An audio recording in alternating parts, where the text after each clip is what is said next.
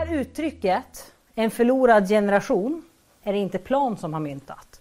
Utan det är faktiskt ett jättestort globalt initiativ som flera organisationer, inklusive vi själva, har gått ihop och sagt att vi måste prata om en no loss generation.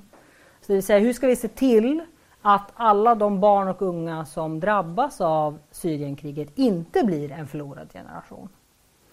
Och det är just hur pojkar, flickor, unga män, unga kvinnor påverkas av konflikten som vi ska titta på idag. Och bara som en liten stocktake är att det är 5,3 miljoner barn som har drabbats av konflikten under de här senaste åren. Det är fruktansvärt många. Det är hälften av Sveriges befolkning.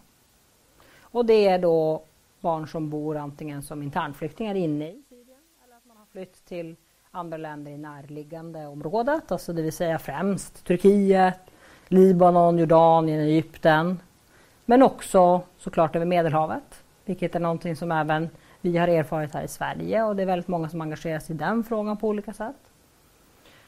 Men det innebär ju också att det är eh, barn som växer upp i krigets skugga.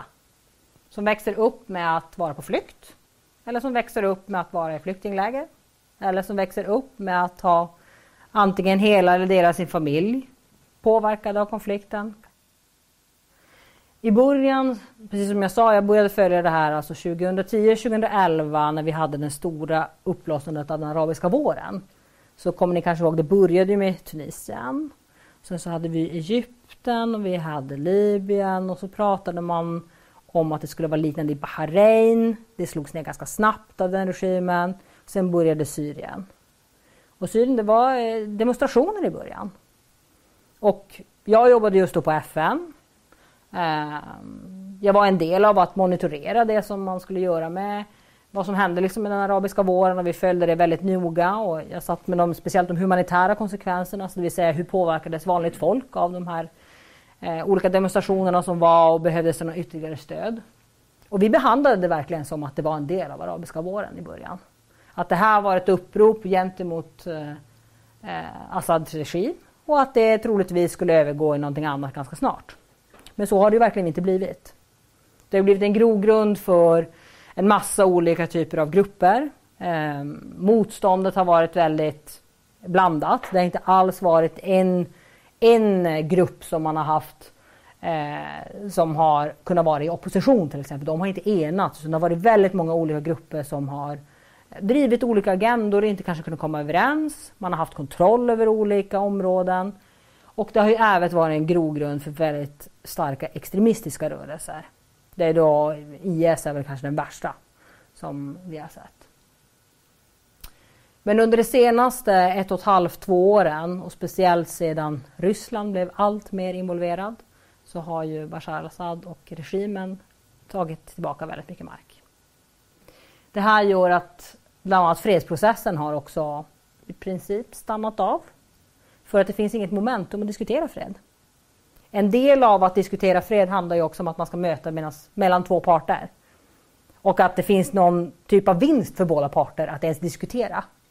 Men om en part har väldigt mycket övertag så finns det inget intresse för den parten oftast att ens sätta sig i förhandlingsrummet med de andra. Så lite grann i det läget är vi just nu. Så det mest troliga som vi kan se just nu, och nu säger jag verkligen bara mest troligt för att det har varit så många olika eh, Ehm, framtidsvisioner av hur det här kriget ska utveckla sig så vi vet faktiskt inte alltid. Men så som det ser ut just nu är att eh, Assad-regimen kommer eh, få kontroll över stora delar av eh, Syrien, absoluta majoriteten under en väldigt snar framtid.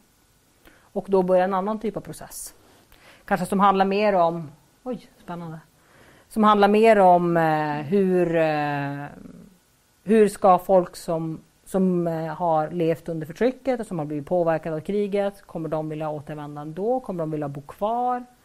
På vilket sätt? Vad skulle återuppbyggnad innebära om det är under en Assad-regim? Skulle Sverige som stat till exempel kunna ställa sig bakom att stötta återuppbyggnaden av ett land om Assad sitter kvar? Det är sådana här jättespännande frågeställningar som nu eh, kommer upp till ytan när vi inte riktigt vet hur det ska gå. En annan del som man verkligen kan konstatera i eh, den här konflikten är att det är en väldigt ojämställd flykt. Ehm, vi har sett väldigt tydliga skiljelinjer mellan hur pojkar, flickor, män och kvinnor har drabbats av konflikten och hur man hanterar flykten speciellt. Ett av de tydligaste exemplen på det är såklart att eh, det är väldigt mycket flickor och kvinnor som är kvar i regionen. Både hemma i Syrien men kanske är internflyktingar inne i Syrien.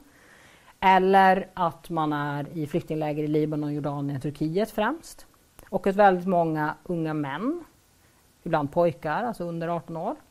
Eh, och män överhuvudtaget som har tänkt att de ska vara eh, frontrunners, alltså de ska åka före och sen ska man återförenas. Eh, och bland annat har vi sett det i, i Europa, stora delar, där det är mycket det är väldigt många av de syriska männen som har flytt i förväg. Man tänker att man ska återförenas med sin familj, man ska etableras senare. Men sen har ju då den europeiska eh, flyktingpolitiken förändrats väldigt mycket under de här senaste åren och blivit betydligt mer åtstramad. Så att nu är det ju inte möjligt med familjeåterförening längre heller. Så det gör att det faktiskt har blivit en, eh, en demografisk påverkan av hur det ser ut i regionen. Både med att det då är färre pojkar män som finns kvar i regionen och att det är fler kvinnor som är kvar. Eh, det är också betydligt fler barn som är kvar i, eh, i olika typer av läger och är liksom eh, ganska mycket låst läge.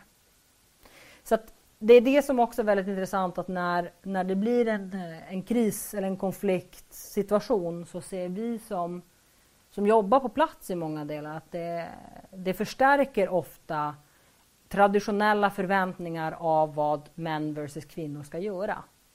Eh, och att det blir, spelutrymmet blir ganska litet och det blir en ganska snäv roll som man ska fullfölja. Eh, bland annat en kille som jag träffade eh, i Libanon inte allt för länge sedan som beskrev väldigt hans eh, han, pressen som hans familj satte på att han skulle bana väg för resten av familjen. Genom att försöka på något sätt, de, det spelade inte riktigt roll, någon roll hur, men på något sätt skulle han ta sig någon annanstans där han skulle kunna lyckas och sen hjälpa familjen att komma dit. Och pressen på den här killen som var då 16 år eh, var så stor att han liksom visste inte, han kände snarare att det är bättre om jag bara går under jorden och försöker gömma mig för jag kommer aldrig lyckas med det uppdraget. Och på samma sätt så då, om man träffade, vi träffade en annan en tjej då som var samma ålder, 16 år, eh, som istället då hade pressen att hon skulle försöka hitta någon typ av familj och gifta sig för att då skulle hon inte bli en belastning för sin, sin egen familj. För att de kunde inte stötta upp henne. Så då var det bättre att hon skulle försöka hitta någon annan utväg. Så som ni hör så är det två liksom lika gamla tonårsbarn. Men som har helt olika typer av press på sig och beroende på vilket kön de tillhör får tillskrivet det här är din out och det här är din out och vilken man ska välja.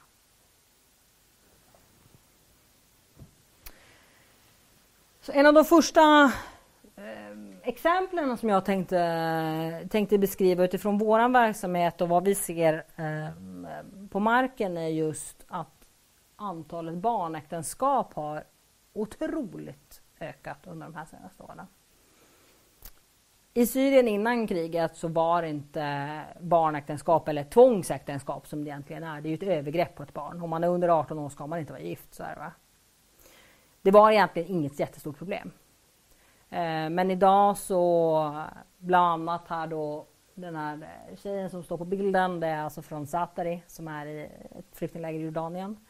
Eh, där är då 24 procent av de som är 15 och 17 är redan gifta. Så det här har blivit liksom en strategi för att hantera konflikten på olika sätt. En, det vi kallar för en negativ coping mechanism. Om det finns något bra svenskt översatt uttryck för det. Ehm, men det handlar egentligen om att man, man försöker liksom hitta strategier för att göra det så bra man tror att man ska kunna göra. Och jag tänkte dela med mig av, en, av, en, eh, av ett exempel av detta, för ofta så när jag pratar med folk om, om att ja, men man gifter bort sina tjejer och det, det är främst ett problem som drabbar tonårsflickor. Um, så säger jag, men hur kan man gifta bort sitt barn? Hur kan man liksom välja det det, det som, som slutgiltig eh, lösning.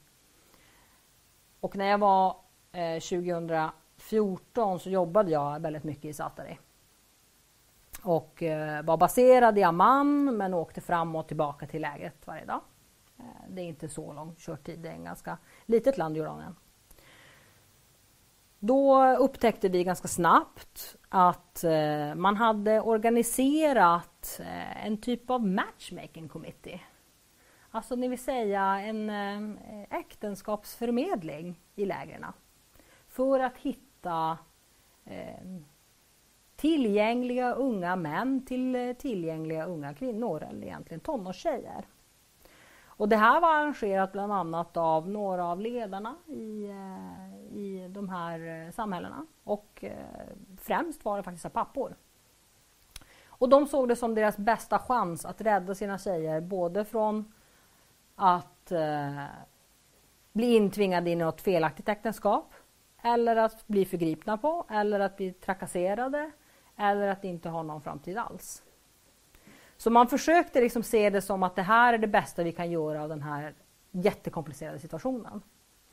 Eh, så vi kom ju in och liksom hade alla våra föreställningar om att det här är ju helt fel. Hur ska, hur ska vi liksom stoppa detta? Och inser efter ett tag när vi bara har samtal att de vill visst sina tjejer det absolut bästa de kan.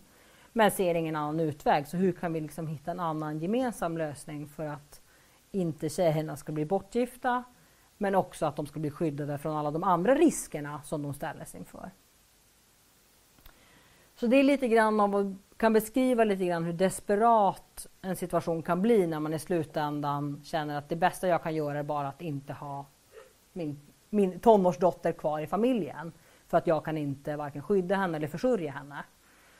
Ehm, och att då är det bättre att hon gifts bort.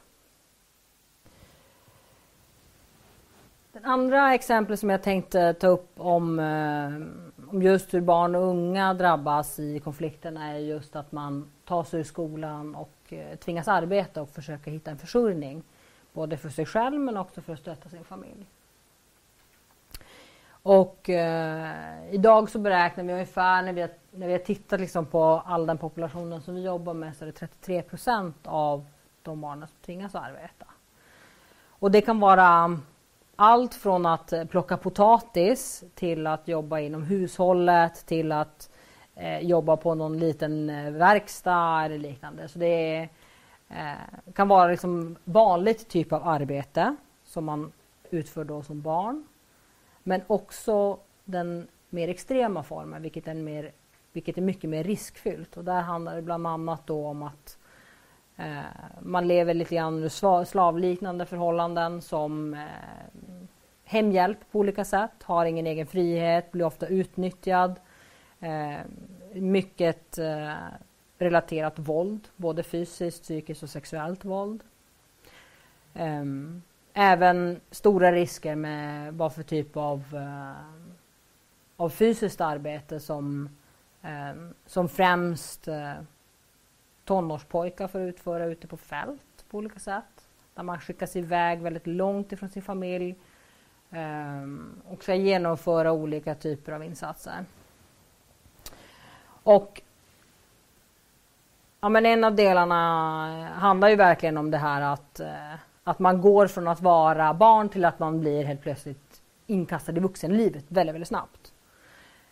Um, så bland annat den här lilla killen då Ismail från, som är just nu är det i Jordanien så beskriver det väldigt väl om att ja, man, han var barn när de lämnade eh, Syrien och när det var innan konflikten. Och när han nu har flytt så inser han att amen, eh, nu har man liksom ingenting och han måste hjälpa till att arbeta för att ens kunna försörja eh, sin familj.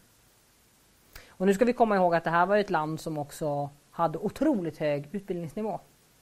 Eh, så det var väldigt vanligt att man både gick grundskolan, man gick eh, gymnasiet och man läste även vidare på universitet. Och i dagsläget så eh, finns det grundskola delvis i alla länder där även syriska flyktingar finns. Men det är väldigt begränsad tillgång till både gymnasium och ännu mindre till universitet. Det är i princip omöjligt. Så det leder oss in till liksom just den här förlorade utbildningen där 43 procent inte går i skolan. Och där blir det att ju äldre du blir desto mindre chans har du att gå i skolan. Så du kan ha liksom chans att gå i skolan om du ska lära dig att läsa och skriva. Men vill du skaffa dig en mer eh, avancerad utbildning eller vill du gå på universitet, då är det otroligt svårt. Eh, och på den här bilden så ser vi faktiskt då en, en liten tjej som är på väg till, eh, i bakgrunden så har ni en av de containrar, en av de många. Det här är från Asrak, ett annat läger i Jordanien. Och där eh, vi bedriver då utbildning för de yngre barnen i, i just de här containrarna. Som blir fruktansvärt varma på sommaren om det inte finns el kan jag säga, för då blir det som en en tanker som växer upp. Så att det här växthuset skulle nog vara en dröm i jämförelse med de där. Men de har inte tappat sina drömmar de här kidsen utan de har ju fortfarande tanken att, eh, att de vill vara med och förändra världen. Ehm, och att eh, det är många av dem som beskriver just att, eh, att man vill utbilda sig, man har en, en dröm och man vet vad det skulle kunna innebära. Eh, just också på grund av att kanske deras föräldrar har en, en hög utbildning. Eller de har äldre syskon som har haft det. Så det har varit en given del av att vara i det syriska samhället har varit att det finns ett välfungerande utbildningssystem och man läser vidare. Eh, men nu berövas ju då de här barnen och unga av den möjligheten. Och lite grann jag brukar försöka jämföra med, eh, med ens, ens livsspann. Är det någon av er som vet vad medellivslängden är i världen just nu? Dra till med någonting. 67. Mycket nära. 70. De flesta brukar tro lite lägre, så det var ju väldigt bra att tro så pass högt. Men om vi tänker då 70 år, okej, okay? man lever i 70 år. De första 15 åren är det all grund som läggs i princip. Första fem är helt avgörande för din fysiska hälsa. Om du inte får de näringsämnena och du inte får all typ av blandad föda under den tiden så kommer inte din, varken din hjärna eller din fysiska förmåga att utvecklas så som du är. Ditt immunförsvar kommer att bli mycket lägre och du kommer ha massor med, om du har bristämnen så kommer det också leda till följdsjukdomar. Så de första fem åren är ju de som vi pratar om som är mest eh, riskfyllda för att man ska dö som barn. Därför man pratar om barnadödlighet under fem år. Sen mellan 5 och 15, vad händer då? Jo, då ska man ju gå sin grundskola. Och får man inte gå sin grundskola under den perioden, då är det i princip omöjligt att ta igen det senare. Om vi tänker bara på systemet i Sverige, så upp till 15, 16, 17, när vi har gått gymnasiet, det kan man ju läsa in senare.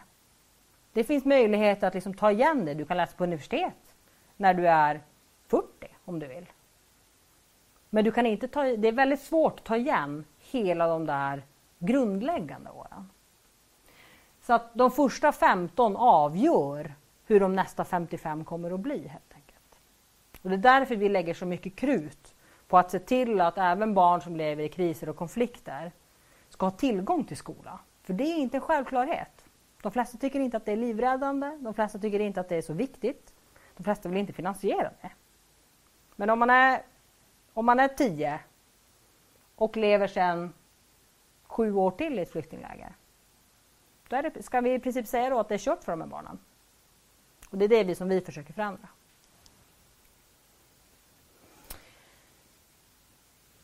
En annan jättestor utmaning som vi ser är just våld och trafficking. Där fysiskt och sexuellt våld är de största hoten. Och eh, i december så var jag i Libanon och träffade mm, en tjej som eh, hade återvänt till Libanon. Eh, hon är syrisk flykting från början, har bott liksom i, eh, i ett område som heter Tripoli i Libanon ett antal år. Och eh, hennes familj fick en typ av erbjudande av en annan libanesisk familj att eh, hon skulle få gifta sig med en av Eh, eh en familjemedlem i den libanesiska familjen. Och eh, ja, eh, efter mycket om och men så, så sa de ja till detta. Eh, och hon var själv 17 då. Och det här äktenskapet välsignades av en imam. Men det registrerades aldrig. Eh, och det var väldigt oklart om, eh, om det var ett formellt äktenskap eller inte helt enkelt. Men på grund av att det hade gjorts enligt den religiösa seden men inte enligt den juridiska så godtog familjen detta. Ja. Ehm, ett par månader senare så eh, får den här tjejen veta att hon och, eller hennes man berättar då att nu ska de åka till Qatar. Ehm, och det är bara för henne att följa med. Vilket de gör. Och när hon väl kommer till Qatar så lämnas hon in i sexhandeln. Eh, så att det hela liksom, eh, det här äktenskapet är bara ett skenäktenskap för att familjen ska lämna ifrån sig den här tjejen då så att hon ska sen kunna slussas in i sexhandeln. Så att hon sätts liksom in i, i eh, ett trafficking-nät i Qatar och eh, sätts på en bordell. Och den här, eh, när jag träffade den här tjejen så fattade jag verkligen vilken otrolig inneboende styrka som hon hade för att hon hade då lyckats ta sig iväg från bordellen, rymma därifrån och även träffa eh, några andra syrier som jobbade inom konstruktionsbranschen i Qatar och få hjälp att ta sig tillbaka till Libanon. Och lyckades ta sig tillbaka även till sin familj, men som inte ville först veta av henne. Så därav varför jag träffade henne, för att hon var på en av våra center. Eh, där vi har en av våra lokala partners som, som jobbar just med att stötta offer för just trafficking.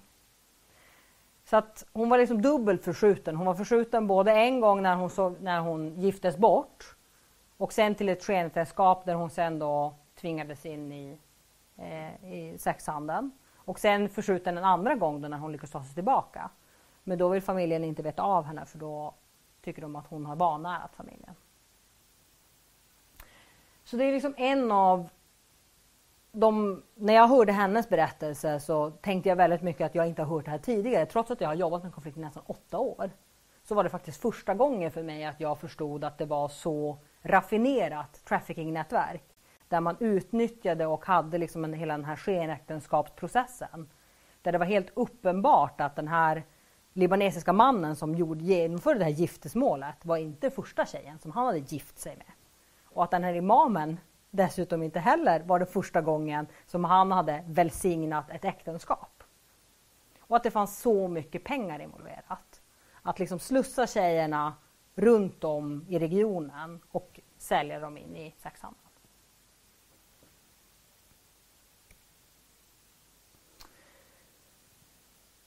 Sen självfallet så eh, kan man inte prata om att leva i flyktingläger utan att prata om begränsad frihet. För de allra, allra flesta handlar det om ett liv i, ja, bakom eh, nästan, nästan eh, liksom, eh, fängelseliknande förhållanden som det är. Speciellt i, i Jordanien där man har byggt upp de här jättelägren och ofta har eh, då kontroller för att man ska åka in och ut. Och det kan man säga liksom, finns ju både eh, det finns ju en säkerhetsaspekt i detta också. Eftersom vi vet också att det finns eh, människor som faktiskt rör sig över gränserna som har helt andra motiv. Som blandar sig in bland flyktingarna och det är de som då drabbas hårdast för då misstänkliggörs väldigt många människor som faktiskt flyr från förtryck, från konflikter, från otroligt mycket våld och kanske inte har något hem att återvända till. Men det gör också ju då att speciellt barn som växer upp i den här typen av miljö Eh, får ju en helt annan syn på livet. Av vad innebär det att kunna röra sig fritt om man inte får gå, baka, gå utanför gränserna någonstans.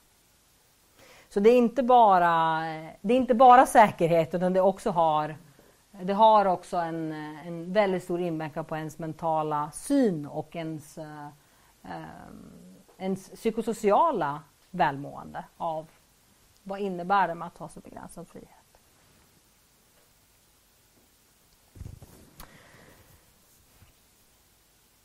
Och Hanna, hon heter egentligen någonting annat. De flesta av dem som vi berättar om, det, de har skyddad identitet. Så att vi, vi hittar på andra namn åt dem helt enkelt. Men hon berättar ändå väldigt väl här om just det här att eh, hur hon saknar sin hemstad Damaskus och just, eh, just den här känslan av att tvingas fly från en plats där, eh, där hon kände sig fri.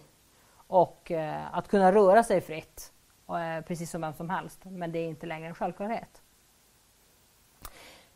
Relaterat till det här också vill jag bara dela av med, mig av en, en sista personlig reflektion och det handlar om eh, inte bara det fysiska, eh, fysiska möjligheter att röra sig fritt utan det handlar också om det psykologiska. Och en av de delarna är att jag då som har kommit in och ut ur regionen sedan ja, 2011 har ju sett rent eh, praktiskt hur mycket mer konservativt samhällena har blivit och speciellt i de lägen där vi ser. Eh, ni såg i filmen Amira som är täckt med niqab. Det var inte någonting som var vanligt i Syrien tidigare. Men nu i de flesta av lägena så är det jättevanligt. Så att även att leva i en konfliktmiljö innebär att man även själv begränsar sig. Alltså det vill säga att det blir en mycket mer det blir, blir mycket mindre rörelsefrihet både för att andra påtvingar den och det påtvingas av det egna samhället på en själv. Så det har varit ganska eh, förödande måste jag säga för mig att komma tillbaka. Jag bodde och levde i tre år liksom regionen, lämnade 2015, flyttade tillbaka till Sverige. Och sen har jag varit tillbaka eh, och liksom besökt våra, våra partners och våra kollegor som jobbar på plats en eller två gånger per år. Och varje gång som jag kommer tillbaka efter det så är det liksom lite mer konservativt, lite begr mer begränsad rörlighet. Folk är lite mer täckta. Och det säger liksom någonting om hur, eh, hur utvecklingen sker i även de här... Det blir som egna samhällen även fast man bor i ett flyktingläger. Och en av de grejerna som vi försöker lyfta fram hela tiden från, från Plans perspektiv eh, handlar ju såklart om eh, vi är en barnrättsorganisation men vi jobbar också specifikt med flickors lika villkor. Och en av de grejerna som vi ser är att man ofta glömmer bort vad det innebär att vara just tonårstjej. Och det handlar en del om att det finns en barnkonvention som ni säkert känner till. Världens mest ratificerade konvention. Alla länder utom USA har skrivit på. Och så finns det ju kvinnokonventioner. Bland annat CEDAW som också är en väldigt eh, ratificerad konvention. Men emellan så har vi de som är, man faller lite emellan, man är inte vuxen, man är inte barn. Och vad är det för typ av insats som behövs om man är mellan 15 och 24 till exempel. Så det är en grupp som vi fokuserar extra mycket på. För vi har sett att även i våra program att det är de som faller mellan stolarna. Nu går det inte att summera riktigt vad vi gör liksom på en slide. Så jag, jag försöker liksom bara ta lite, lite som ett litet collage här av olika grejer. Um, och en del av de insatserna som vi, som vi gör handlar såklart om att Eh, tillhandahålla både stöd för de som blivit utsatta för våld på ett eller annat sätt. Det kan vara både fysiskt, psykiskt eller sexuellt våld. Eh, det handlar också om att förebygga att sådant våld ska uppkomma ytterligare. Eh, de olika utmaningarna som jag beskrev har vi också direkta program som, som stöttar upp, bland annat då kring utbildning. Det handlar om genderbaserat, sexuellt och genderbaserat våld. Eh, Det handlar om stöd till barn som tvingas arbeta eh, hjälpa familjerna att hitta en annan typ av försörjningsmekanism till exempel. Eh, och vi jobbar en hel del med exempelvis ser ni på någon av bilderna, jo men den där i mitten där. Så jobbar vi en hel del med mammor och att de får stöd samtidigt med både förskola för deras yngre barn och också själva då får stöd av att både träffa varandra och få psykosocialt stöd men också eh, hitta en försörjning på ett eller annat sätt. Så att vi försöker liksom jobba med familjerna för att stötta upp de barn och unga. Det finns massor som ni kan göra såklart. Som alltid. Eh, något som jag alltid försöker eh, tipsa om är såklart att, att lära sig mer om ämnet. bara att ni är här och liksom förkovrar er säger en hel del om, om eh, liksom just ämnet och se olika perspektiv. Eh, självfallet att fortsätta att påverka. Eh, både era nära och kära men också vi har ju ingen regering än i Sverige så det finns ju all, all utrymme att fortsätta påverka även politiskt. Eh, att involvera er bland annat, eh, men antingen via oss eller via andra organisationer och stötta de som finns på plats. Eh, och är ni intresserade får ni jättegärna gå in på vår hemsida där vi har mer information och sånt. Typ där. 35 minuter klarade vi det på. Optimalt, så då kan vi ha mycket tid till diskussion tänker jag. Ja, absolut. Tack så jättemycket för en väldigt intressant diskussion, eh, eller en presentation heter det. Nu ska vi öppna upp för diskussion däremot. Eh, är det någon som har en fråga så här på rak arm eller ska jag ta min fusklapp och börja med den? Ja, då börjar vi här. Tack så mycket och tack för en jättebra presentation. Um, jag tänkte gå tillbaka till det du började med och bara visa konfliktläget och undrar um, har man någonsin varit nära ett, eh, jag vet inte vad det heter på svenska, men ett mutually hurting stalemate där man kan komma till en position när, både, när alla sidor vill närma sig ett um, förhandlingsbordet helt enkelt och hur ser det ut framöver med det? Mm. Vad, vilka möjligheter finns det där? Och du nämnde också att huvudmedlaren inte längre är där. Och är det någon där istället nu? Mm. Mm. Ska vi ta fler eller ska jag köra, svara, får jag svara på en gång eller hur, hur vill ni göra? Du kan svara på en gång. Jag får svara så... på en gång. Ja, tack, för det var ju en väldigt spännande fråga. Tack för den. Eh, Först och främst, eh, Staffan de Ministura, han slutar nu som FN-sändebud. Han är nummer tre i raden. Det kommer tillsättas en ny. Det här är inte över, liksom. diskussionerna fortsätter. Eh, jag skulle säga att det finns, eh, i alla fall från mitt perspektiv, har det funnits två tillfällen när man har haft en chans till att diskutera. Och den eh, första är tyvärr eh, så länge sedan som 2012 innan ens konflikten var en konflikt. Jag jobbade då för FN. Jag satt, med, satt i Bryssel för FNs eh, humanitära organ som hette UN OCHA. Eh, vårt huvudsakliga uppdrag var att samarbeta mot NATO och EU för att hitta humanitära lösningar. Eh, och under det här tillfället var Obama fortfarande president och det var Hillary Clinton som var utrikesminister. Då fanns det en eh, lösning på bordet. Det var Kofi Annan som då var sändebud för Syrienkrisen och var liksom officiellt sändebud. Och man la, upp, eh, man la upp ett förslag där bland annat eh, alla ställde sig bakom. Till och med Ryssland, till och med Kina, till och med Iran var med vid bordet. Assad var med. En del av rebellgrupperna var med skulle jag säga, eller oppositionen. Eh, inte alla. Eh, men det fanns ändå ett förslag på bordet och det var att Assad skulle få sitta kvar ett år. Under den tiden skulle det förberedas för fria val och sen skulle Assad avgå. Men vem var det som blockade det? Jo, det var Hillary Clinton. För att man hade gått ut innan och sagt att man aldrig kunde förhandla med Bashar al-Assad. Så vid det tillfället, det här var så innan konflikten hade brutit ut och den var inte så stor som den var nu då kunde man inte lose face. Alltså man kunde inte liksom skämmas utifrån det perspektivet att man ville inte gå med på en förhandling med Assad specifikt. Så det är väl liksom det ena tillfället. Jag kommer ihåg det här så väl för att vi satt och slet vårt hår. Av att säga, men låt, det bara, låt oss bara försöka det här i alla fall. Och då kanske vi kan rädda ett antal liv. Men vi hade ju aldrig en aning att det skulle bli så här stort då såklart. Det andra tillfället var 2015 när eh, det var total kaos i alla delar av Syrien. Där det var väldigt många olika grupper som var involverade och eh, Assad-regimen hade inte så mycket kontroll över landet som de har nu och Ryssland var inte involverade. Då träffades man en gång i Genève.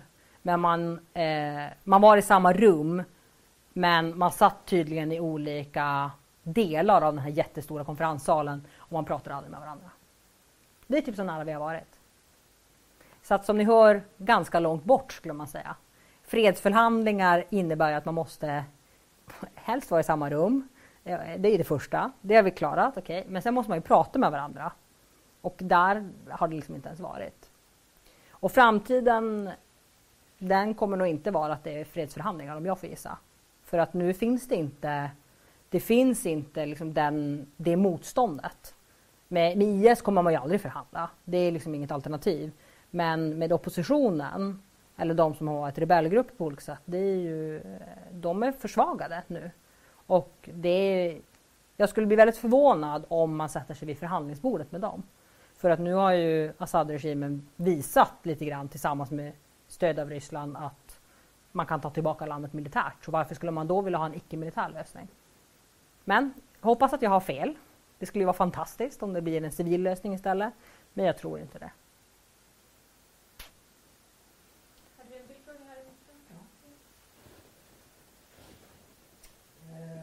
Starten av konflikten. Eh, man kan väl säga det att i Tunisien då så löste sig revolutionen på ett speciellt sätt. Mm. I Egypten slogs konflikten ner. Mm. Det kunde den ju ha gjort ganska tidigt i Syrien också. Men vad jag har förstått så är det någon som fört in vapen till rebellgrupperna. Mm. Hur ser eh, den vapentillförseln ut? Och för det andra, eh, samordningen mellan organisationerna som jobbar i flyktinglägren, mm. fungerar den bra? Mm. Um, första frågan vad handlar om vapentillförsel tror jag är, alltså det är en av de absolut mest komplexa frågor som har varit i här, den här konflikten är ju att det är så många andra länder som har varit intresserade. Tunisien, Libyen, Egypten. Det, var inte lik, det är inte lika mycket en, eh, ett, ett världsintresse för de regionerna som det är med Syrien. Och det är en av varför det har gjort det så otroligt komplicerat. Och det finns ju absolut både dokumenterat och rykten om eh, olika länder som har tillstått med vapen till olika typer av grupper. Eh, av massor med olika anledningar. Och det är det som också har drivit fram att det är så splittrat på olika sätt. Men sen vem som har, eh, vem som har tillfört vad, det vågar jag inte kommentera på för det, det jag har inte varit med i den, den tillförseln så att säga och inte dokumenterat det. Eh, men det är ju helt rätt att, eh, att alla har valt sin sida. Det kan man ju absolut säga. Eh, den andra frågan kring, kring samordning skulle jag säga att i själva lägren fungerar samordning väldigt enkelt. Det är väldigt smidigt och det leds under FN-flagg. Vi, man ingår i olika grupper beroende på vad man har för roll som organisation. Så vi sitter med till exempel i de grupperna som antingen pratar om utbildning och hur man koordinerar det eller hur man koordinerar om skyddsfrågor när det handlar om stöd för sexuellt, eh, fysiskt eller psykiskt våld. Um, eller man eh, har grupper som koordinerar matdistributionen, man har grupper som koordinerar eh, vattendistributionen och så vidare. Eh, där det däremot blir väldigt komplicerat, det är när det inte är lägerliknande bostadsförhållanden utan man bor Eh, blandat in i populationen. Alltså det vill säga man hyr en vanlig lägenhet någonstans. Då är det inte lika lätt att, eh, att nå ut till folk. Däremot så är deras boendesituation betydligt mer normal. Så det är det som är eh, lite sån här fördel nackdel. Det är svårt att bedöma vad som är bäst. Det är enklare att koordinera om alla är på samma plats. Men deras levnadssituation är sämre. Så vad är då viktigare? Att folk ska leva någorlunda bättre eller att vi ska ha enklare att koordinera oss? Så då är det lite svårare att hitta rätt mekanismer. Vi behöver jobba mycket mer med att stötta också de eh, lokala departementen och kommunerna och så för att de ska kunna tillhandahålla stöd. Så då ändrar vi approach helt enkelt. Vet du om det är en organisation som har eh, besvarat min första fråga? Som skulle kunna prata om vapentillförsel? Ja, jag... Då skulle jag titta främst på SIPRI. De har följt en del. Mm. Vi några andra frågor direkt på...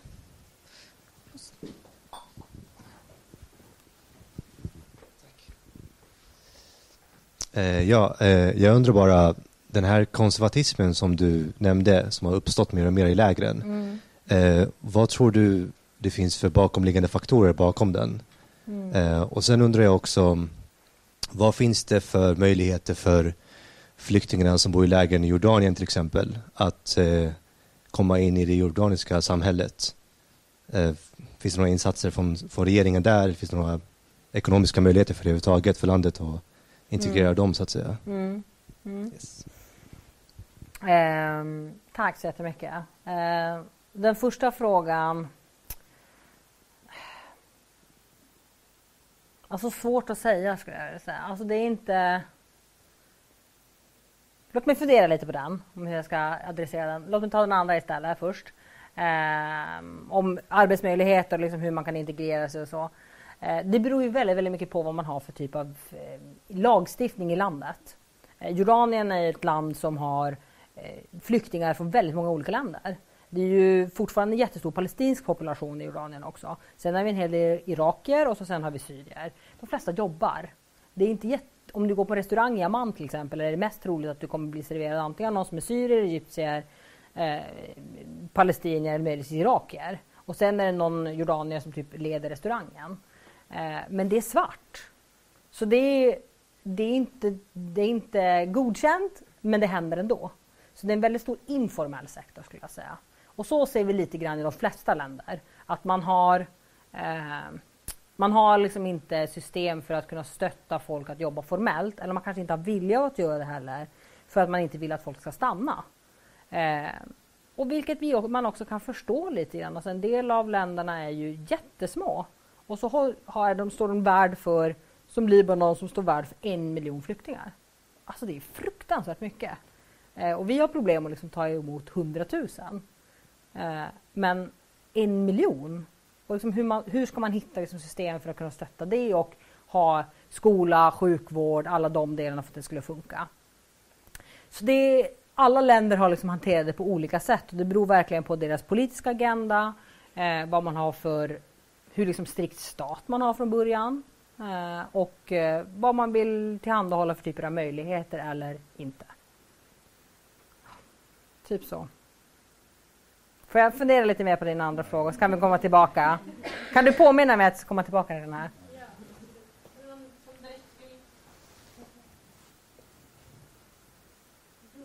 På en annan förlorad generation är ju Jemen. Eh, Mm. Jag tänkte höra lite vad, plan, vad ni gör där och lite hur du ser på framtida utsikter för de barnen. Liksom. Eh, Att det har kommit upp lite mer på agendan nu på senare tid. Så Mm. vill jag, vill jag höra. Eh, och vi som Plan som organisation jobbar inte i Jemen. Eh, så att eh, jag kan inte liksom kommentera jättemycket om själva eh, situationen så i detalj. Eh, jag har själv inte följt det landet eh, på alls samma sätt som jag har gjort med det här. Ehm, det som jag däremot förstår av att prata med andra kollegor från andra organisationer är ju att det är otroligt svårt att få humanitärt tillträde, det vill säga att faktiskt få komma in och jobba i vissa områden för att det är både väldigt osäkert men också för att eh, ens tillträde begränsas av eh, tillstånd, eh, vart man får röra sig eller inte, eh, om man får köra in i vissa områden eller inte och så. Eh, så det är väldigt svårjobbat. Eh, och vi som organisation har eh, inga planer i dagsläget i alla fall att etablera oss i Jemen. Eh, vi har eh, det är just nu så är det liksom i Mellanöstern för oss så är det Syrienkonflikten som är det huvudsakliga där vi har då kontor i Egypten, eh, Libanon, Jordanien och så söker vi registrering in i Syrien. Så att vi ska kunna jobba även där efter konflikten. Mm.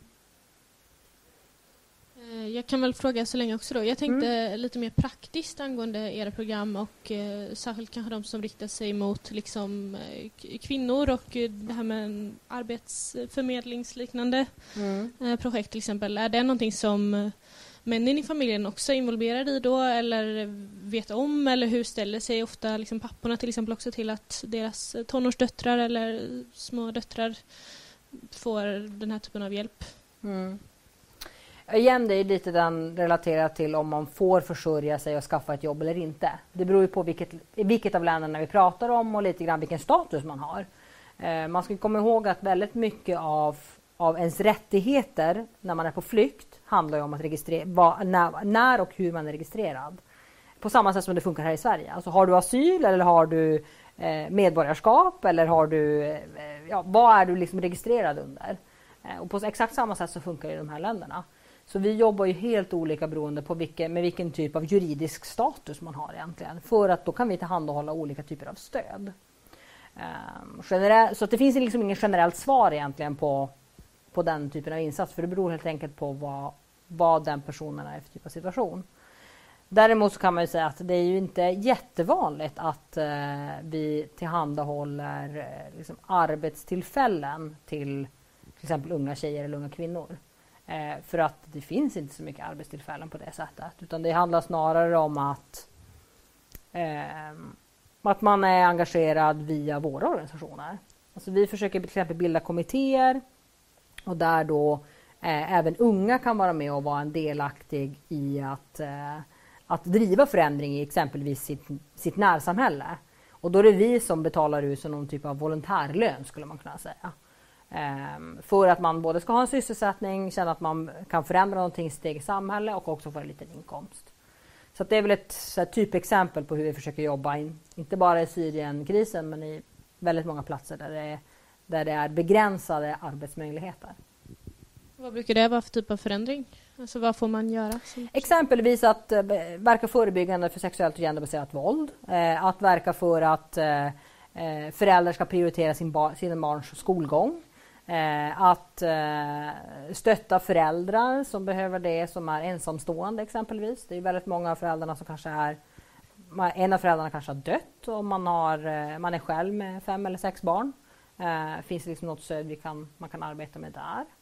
Eh, och också eh, sprida information om exempelvis barnkonventionen och barns rättigheter och vad, man, vad som är rätt och vad som är fel och vad barn ska utsättas för eller inte. Och Exempelvis att om man är under 18 år så får man inte giftas bort. Det är emot barnkonventionen och de, eftersom både, alla de här länderna har rätt, ratificerat barnkonventionen så kan vi då säga att ja, men det här är ju emot den eh, konventionen som ni har skrivit på som land så ni borde inte godkänna det. Sådana typer av frågor. Någon ytterligare fråga? Det man, man kan fråga exakt vad man vill. Inget Absolut, shoot.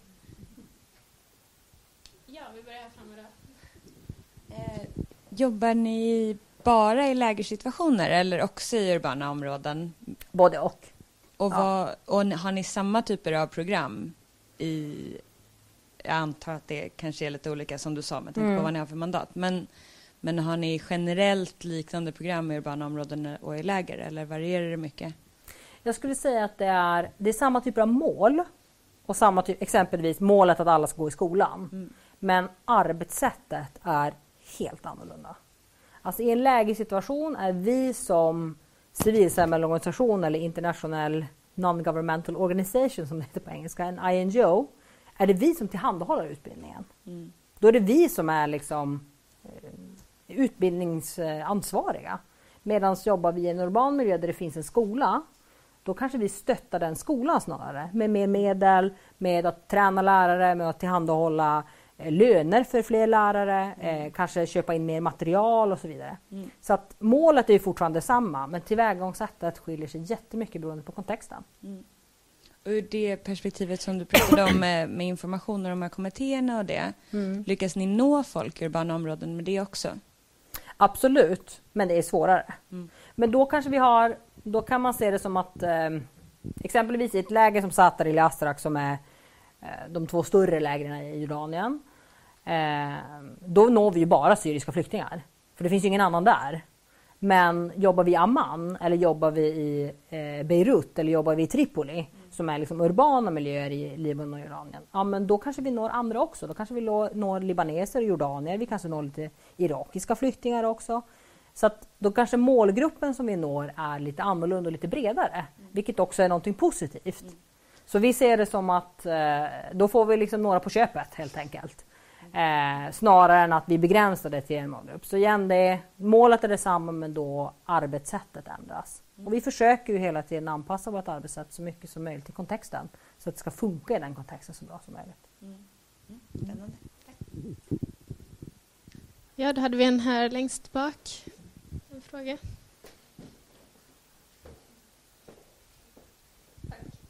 Eh, jo, jag tänkte lite mer om du bara skulle kunna berätta hur ni jobbar med att så här, i typ konflikter som Syrien som är extremt våldsamma, hur man arbetar för att förhindra att det här våldet ärvs mellan generationer. Um, Så att det inte liksom bara, för det är någonstans som man har växt upp i som så den här konflikten har pågått så himla länge att det är många barn som inte vet någonting annat än den här våldsamma tillvaron. Mm. Och hur man då arbetar för att få dem att förstå att det här inte är normaltillståndet någonstans. Mm. Förstår du vad jag menar? Mm. Alltså eh, under konfliktens gång eller efter konflikten? Eller menar du både och? Både och, hur man Mm. jobbar nu liksom proaktivt eh, men också sen hur man ska jobba efter att konflikten har Mm. lösts. Mm.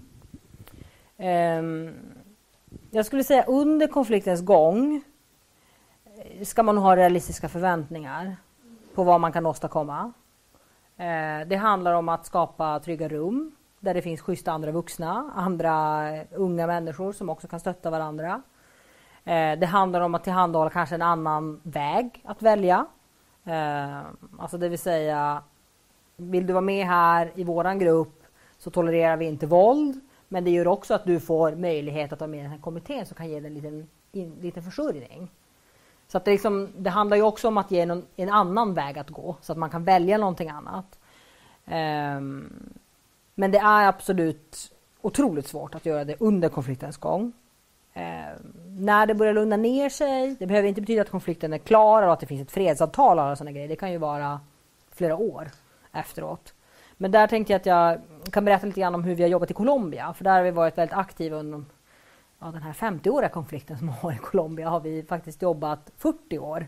Bland annat med ungas deltagande i både fredsbyggande processen men också i medlingsprocessen och att influera fredsavtalet i slutändan. Och det handlar ju om att demobilisera. handlar ju minst lika mycket om unga och barn och unga specifikt.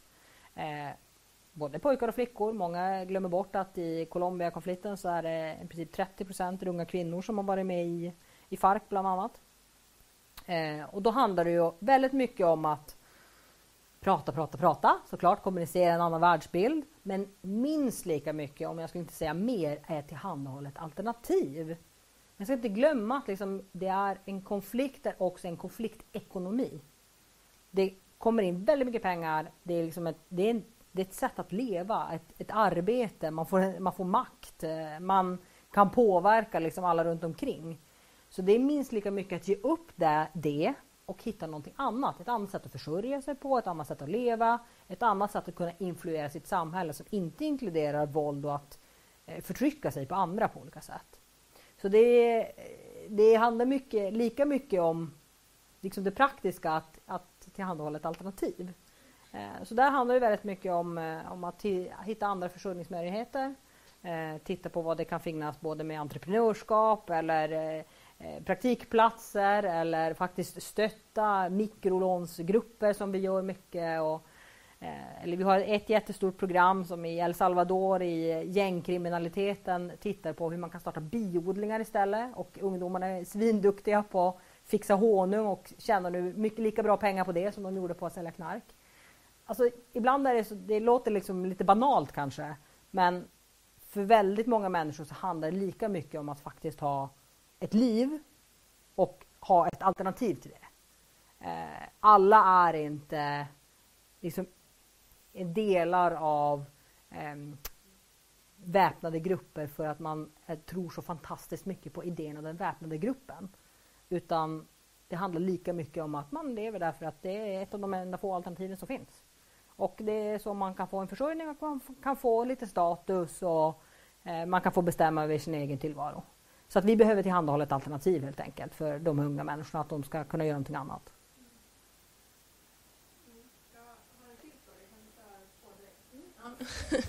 Ehm, jo, jag Kan du inte ställa dig upp så jag Jo. ser dig? Ja, tack. Jag tänkte lite bara på det att, ehm, alltså att man ser allt oftare i nyheter att eh, sjukhus, skolor och även flyktingläger i, till viss mån används som eh, Alltså de blir strategiska mål i krigsföring, att man använder dem. Ehm, och hur man då skulle kunna bryta den trenden där liksom barn och unga ofta blir de största offren. Ehm, för det jag tycker att det är en väldigt oroväckande utveckling ehm, och hur ni liksom ser på ert arbete i de här lägren och vad man skulle kunna göra för att påverka att den, bryta den här trenden. Där handlar det ju väldigt konventionerna som är över 150 år gamla och även det som man kallar för de humanitära principerna, att man ska freda eh, bland annat då civila mål, vilket är ju främst sjukvård men även kulturella platser, eh, stor infrastruktur som tillhandahåller el och liknande. Och det är liksom ett pågående arbete som vi alla behöver göra som jobbar i de här miljöerna, att hela tiden påminna olika grupper att ni måste freda de här zonerna. Ehm, det är definitivt en negativ trend vi ser, Eh, speciellt med hur sjukvårdspersonal har blivit attackerad. Den är inte, ah, de är inte alls lika fredade i konflikter som det har varit tidigare. Um, och där det har blivit en strategi, skulle jag säga också, från en del väpnade grupper att specifikt attackera sjukvårdspersonal. Um, vi är ingen medicinsk organisation men vi samarbetar ju mycket med, med organisationer som bara jobbar medicinskt som kanske driver sjukhus eller har eh, ambulanser och så vidare. Eh, och det har ju blivit en ganska eh, riskfylld eh, miljö att jobba i. Ehm, själv kan jag säga utifrån vårt perspektiv så, så är väl den mest riskfyllda miljön som vi jobbar i just nu det är nog nordöstra, nordöstra Nigeria där vi jobbar ju väldigt mycket med utbildning. Och i nordöstra Nigeria så är det en grupp som heter Boko Haram som är lite IS eh, eh, allies. De är lite, tyvärr lite lika men väldigt brutala metoder och deras främsta mål är att eh, förstöra all, all typ av utbildning. Boko Haram betyder västländsk utbildning är förbjuden. Så att där är det väldigt, där är, där är vårt jobb jättefarligt för att eh, de lärare som vi har associerat till oss, våra kollegor som försöker bedriva utbildning eh, och eh, liksom är på plats i nordöstra Nigeria, där är man en direkt måltavla. Där är det lärare som har då blivit dödade, eh, över 700 lärare som har blivit dödade under de senaste åren. Eh, 50 procent av skolorna har blivit attackerade eller brända och så vidare. Så det är ju igen, det är liksom, jag tror att man, det är bra att tänka att det är, det är kontextuellt beroende på vart, eh, vilken konflikt det är och vad man väljer för typ av måltavla. Och specifikt just i Syrienkonflikten så har det väldigt varit, varit väldigt mycket runt sjukvård. Så man har specifikt attackerat sjukvårdsanrättningar. Och där tycker jag att våra partnerorganisationer som ja, Läkare utan gränser eller Röda Korset har gjort ett fenomenalt jobb att orka stå kvar och också försöka eh, lyfta frågan. Och det är det vi kan göra. Så vi, vi tänker ju aldrig anta militärt stöd eller ha militäreskort eller sådana grejer. Det är liksom mot hur vi jobbar som organisationer. Vi ska ju ha stöd av befolkningen. Eh, men det kan ju göra att ibland så blir det för farligt. Och då får man hela tiden fundera på är det värt att riskera vår personal? Eh, ska vi ta de riskerna? Eh, om det sker all, allt för ofta så är det ju så att vi, det är ju både vi och andra organisationer faktiskt behöver stänga ner verksamhet i vissa platser för att det är för farligt. För att man kan inte varken utsätta sin egen personal men också att folk ska komma dit. Vi vill att det ska vara en trygg plats. Man ska kunna komma till en skola ska det vara en trygg plats. Man ska inte veta att eh, det riskerar att den blir attackerad. På samma sätt som att man ska kunna komma till ett sjukhus och få vård utan att man ska bli attackerad. Så det är en väldigt, väldigt svår avvägning där alltså. Men eh, eh, vi får fortsätta liksom, eh, försöka bedriva vår verksamhet och med hjälp av er och andra som finns liksom runt omkring att eh, säga att det här är inte acceptabelt helt enkelt och fortsätta påminna alla runt omkring att vi är inte en del av eh, konflikten och vi tar inte sida och vi försöker inte hjälpa någon specifik utan att alla har samma rättigheter till både utbildning eller sjukvård. Mm. verkligen. Um, är det några andra frågor på samma tema eller på något annat?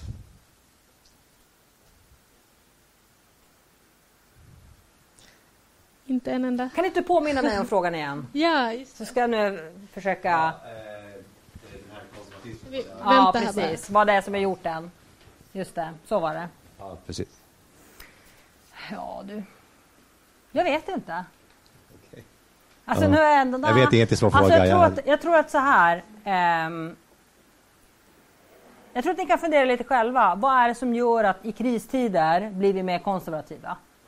Det händer inte bara i Syrien, det händer i varenda plats. Så fort som vi är under press och vi är stressade som människor så tenderar vi att liksom dra oss tillbaka och den här boxen som vi tillåter vad som är acceptabelt och inte helt plötsligt blir väldigt mycket mindre. Ehm, så det är, jag har sett samma tendenser i nästan alla länder som jag har jobbat. Ju, ju liksom mer tryck det är och desto bättre eh, utveckling man har, desto mer tillåts, desto mer utrymme har vi att vara de vi vill vara. Och vi har inte så himla eh, hårda etiketter på varandra. Men det är någonting som händer när man känner sig pressad och stressad och eh lever under, eh, under liksom den här typen av otrolig psykologisk press som, som människor i konfliktmiljöer gör. Som gör att det också blir otroligt lite spelutrymme. Men vad som händer rent psykologiskt det tror jag faktiskt någon annan tyvärr vet kanske bättre än någon som är, någon som är, Det finns säkert någon som har forskat på detta. Eh, ja? Jag har varit aktiv i Rädda Barnen när vi har haft seminarium om hedersrelaterat våld och förtryck. Ja. Eh, så tar man ju upp den frågan även också i Sverige här mm. med trygga miljöer att familjerna kan bli mer konservativa mm. och att det i deras hemländer sker en utveckling som står still från familj och släkt här i Sverige. Mm. Jag vet inte hur vanligt det är men mm. det har ju mm. diskuterats i alla mm. fall. Mm. Absolut. Ja, det är någonting med definitivt den här otryggheten och konservativt som går väldigt mycket hand i hand. Det finns Ja, det är, det är definitivt tydligt. Men vad det beror på rent för oss psykologiskt, det vet jag inte riktigt. Jag tänkte också bara innan vi, vi avslutar. Eh, vi vill också ge lite hopp. För att ibland när man sitter och pratar om liksom en sån här eh, konflikt så kan man känna att det känns lite hopplöst. Men det är också bra att påminna sig då och då att världen generellt blir väldigt mycket bättre. Alltså överlag om du tittar på eh, mänsklighetens utveckling eller Human, Human Development Index som är liksom de olika typer av eh, statistiska indikatorer som vi mäter runt om i världen i alla länder så blir det väldigt mycket bättre. Men det är vissa länder som släpar efter och vissa regioner som släpar efter. Och det är främst de som är i konflikt. Så det är bra att liksom påminna sig om. Fattigdomen har gått ner. Det är eh, min, mycket mindre barnadödlighet, mycket mindre eh, mödradödlighet, mycket fler barn som går i skolan, mycket fler både pojkar och flickor som går i skolan. Vi är nästan uppe i 50-50 nu globalt som startar i skolan. Lika många pojkar som flickor, fantastiskt. Men så har vi de här orosmolnen. Men det är de här vi hör om hela tiden. Vi hör ju kanske inte alltid om de här fantastiska historierna om, eh, om framgång.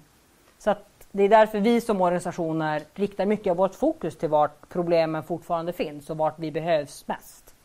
Eh, men det betyder inte att vi glömmer bort liksom, de här segrarna som vi har gjort. Så det vill jag uppmuntra er också att göra. Att, liksom, kom ihåg att det, det går faktiskt framåt generellt. Men så länge man har stora konflikter, katastrofer, kriser, fragila miljöer som vi pratar om, eller fragila stater. Det är där utvecklingen antingen står still eller går bakåt. Ja? En sista. Lite utanför, fast ändå inte. Har Plan varit remissinstans till regeringen här nu vad det gäller afghanska flyktingarna? Att de ska få stanna och, och gå gymnasiet? Eller har ni försökt påverka regeringen? Ja, alltså vi, vi är ju en del av det som kallas för barnrättsnätverket i Sverige. Eh, så vi är ju en av de organisationerna som är med och eh, både påverkar men också ger inspel och har även tittat specifikt också på hur nu barnkonventionen ska bli svensk lag. Eh, så det är ju en av de frågorna som, har, eh, som har varit uppe i det nätverket, absolut. Tycker, ni att, tycker du att ni har nått någon, nått någon framgång, något plan att påverka regeringen? Jag skulle säga att eh, det är ju den hetaste politiska potatisen vi har i Sverige just nu. Det är ju hela flyktingmottagningen på ett eller annat sätt eller Eh, migration, invandring kontra asyl kontra vilka är det som har skyddsbehov och inte. Eh, och jag skulle inte säga att det är någon av oss som har haft speciellt mycket framgång i de frågorna som vi driver. För en mer human flykting och asylpolitik tycker jag inte att vi har gehör för just nu i det politiska läget. Eh, och det är eh, samma across the board. Eh, är ju idag ingen av de politiska partierna som skulle vilja ändra den situationen som vi har sedan den här överenskommelsen som kom 2016. Eh, så att vi har ju en väldigt stram asylpolitik just nu. Eh, vi ligger ju på EUs bottennivå. Eh, och eh, det är lite att konstatera att så är det just nu.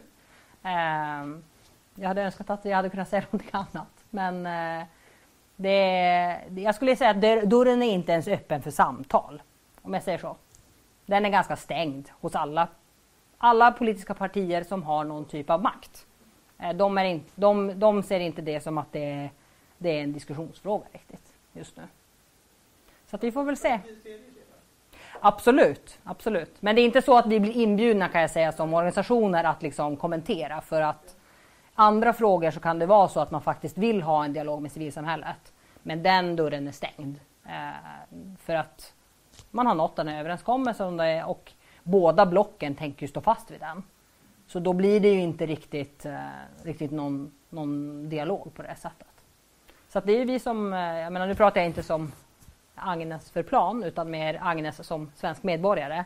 Det är vi som medborgare som får vara med och påverka i politiken då. Om vi vill att det ska vara på ett annorlunda sätt och liksom lyfta våra röster. För att det kommer in, civilsamhället kommer inte kunna bli inbjudna tror jag. Eh, för där, där är vi inte riktigt. Jag håller med dig. Absolut. Det är, en helt, det är väldigt tuffa tongångar. Så är det verkligen. Mm. Tack hörni. Ja, tack så jättemycket för att du kom och eh, ville berätta lite om eh, det här temat. Tack det var själva. intressant. Och tack så hemskt mycket för att ni kom allihop. Tack.